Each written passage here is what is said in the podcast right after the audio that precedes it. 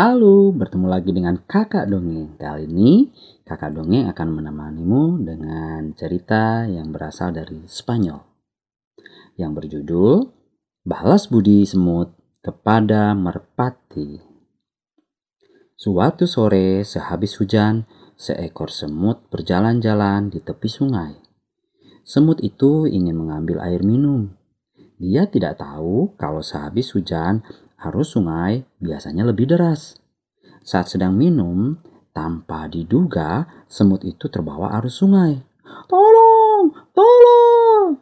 Teriak semut ketakutan. Suaranya sangat kecil sehingga tidak ada yang mendengarnya. Tidak jauh dari situ ada merpati yang sedang duduk di atas pohon. Dia pun melihat semut. Merpati merasa kasihan dan ingin menolongnya. Merpati itu kemudian memetik selembar daun dengan paruhnya. Daun itu dijatuhkan di dekat semut. Semut pun langsung naik ke atas daun.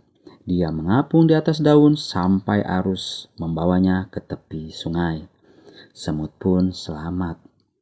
Terima kasih, merpati yang baik, kata semut. Namun, suara semut sangat kecil sehingga merpati tidak mendengarnya. Beberapa hari kemudian, Merpati seperti biasa duduk-duduk di atas pohon.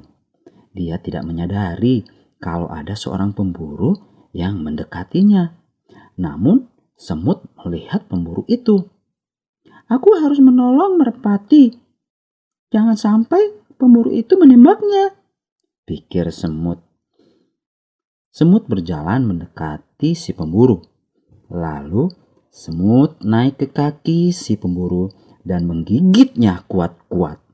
Si pemburu berteriak kesakitan karena gigitan semut terasa panas dan perih.